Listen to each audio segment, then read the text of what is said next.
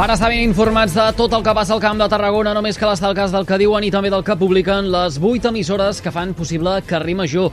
És divendres 19 de maig de 2023 i això és l'Infotarda Daily. Anna Plaça, bona tarda.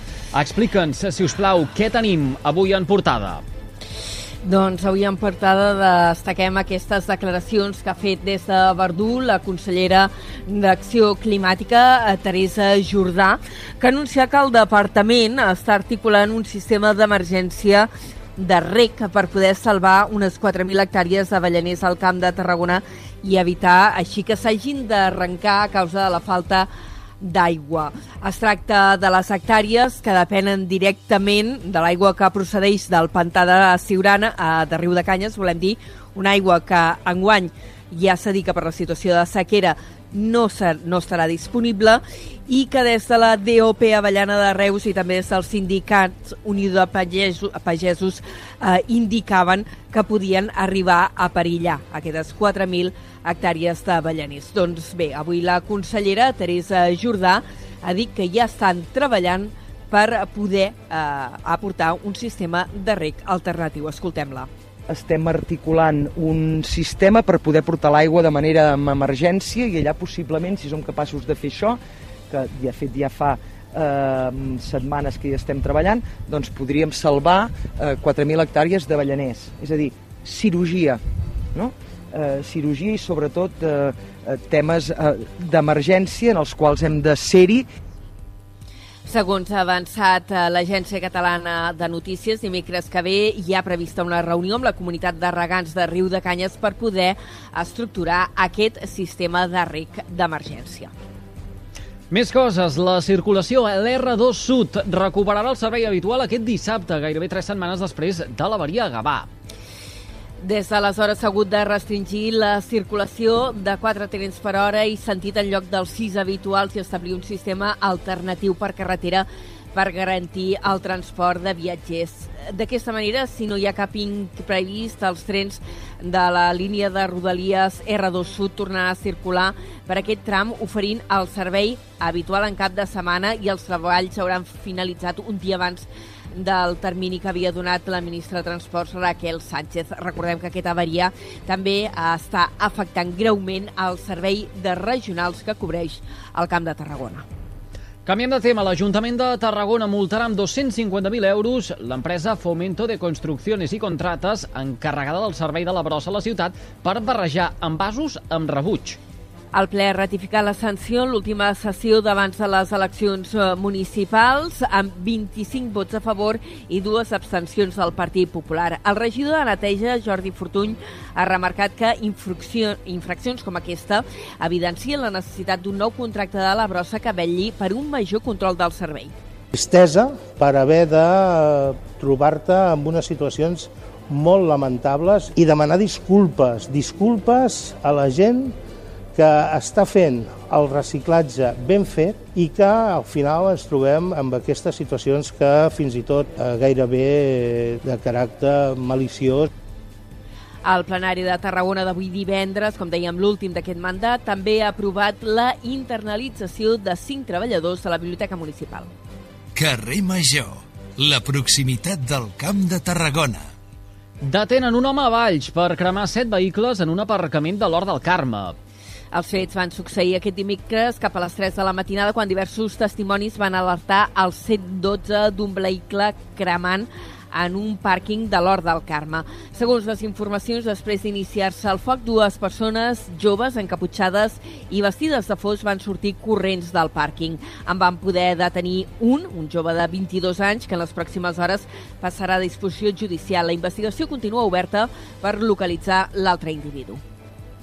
I encara en crònica de successos, a Torredembarra s'han mobilitzat set dotacions de bombers per un incendi en un aparcament. Un incendi que s'ha produït aquest migdia, poc abans de la una, en un edifici del cèntric Passeig de la Sort.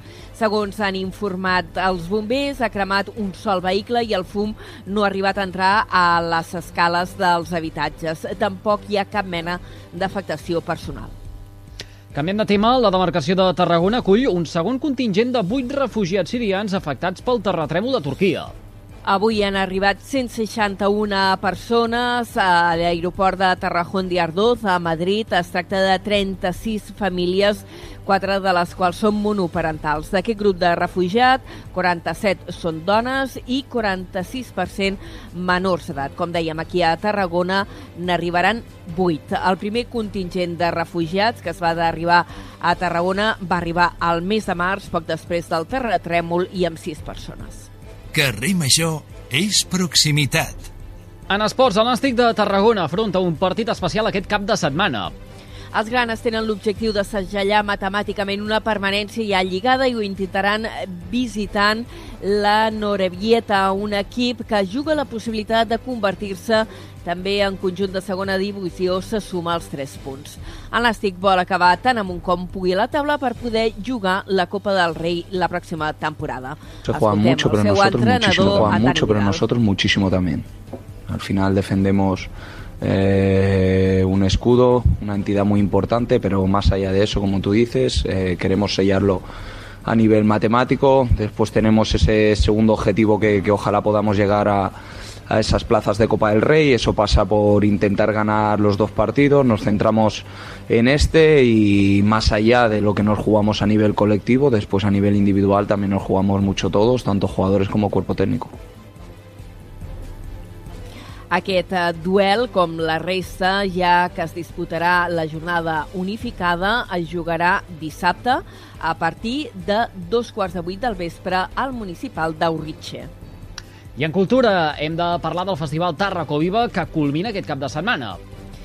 Aquest dissabte i diumenge l'atenció se centrarà als jardins del Camp de Mar i al recinte firal de Tarragona amb desenes d'activitats a l'aire lliure per a tots els públics, la majoria de les quals d'accés lliure i gratuït. Entre les activitats i el macroespectacle Suburbium de la companyia Taleia, que es podrà veure a les necròpolis, també un espectacle al recinte firal recuperant la història de la tomba de Tutankhamon i la cluenda es farà diumenge a la tarda al recinte firal del Palau de Congressos en què recrearà la reunió anual del Conquilium de la Hispània Quiterior.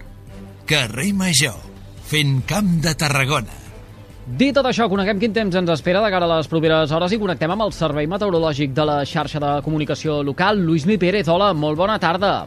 Ja tenim Sarau a hores d'ara en algunes comarques de Catalunya. Per exemple, les tempestes que estan descarregant als dos Vallesos, especialment al voltant de la ciutat de Terrassa, per exemple, en aquests moments. Al llarg de les immediates hores, aquests ruixats acabaran afectant a moltes poblacions de la Catalunya central, de l'àrea metropolitana de Barcelona, també del sud de Girona, però poca pluja de moment tindrem al Pla de Lleida, a l'Empordà i a les Terres de l'Ebre. Allà sí que acabarà plovent, però a últimes hores del dia, gairebé aquesta propera nit. Per tant, els ruixats que tenim a l'àrea central del país s'aniran desplaçant cap al sud. Sempre locals, no estarà plovent tota la tarda. I la temperatura agradable, de fet, no esperem que faci gaire calor. A l'Alt Pirineu, de fet, farà molta fresca, fins al punt que estarà nevant per sobre dels 1.800 metres. El cap de setmana serà variable, amb matins més assolellats i tardes de ruixats, sobretot a la Catalunya central, que és on plourà una miqueta més al llarg dels propers dies. Ho seguirem a la xarxa. Ara sí, doncs, ho haurem de deixar aquí. Anna Plaça, gràcies, com sempre, per aquesta pinzellada informativa amb el més destacat de la jornada al Camp de Tarragona. Que vagi bé, fins després. Fins després.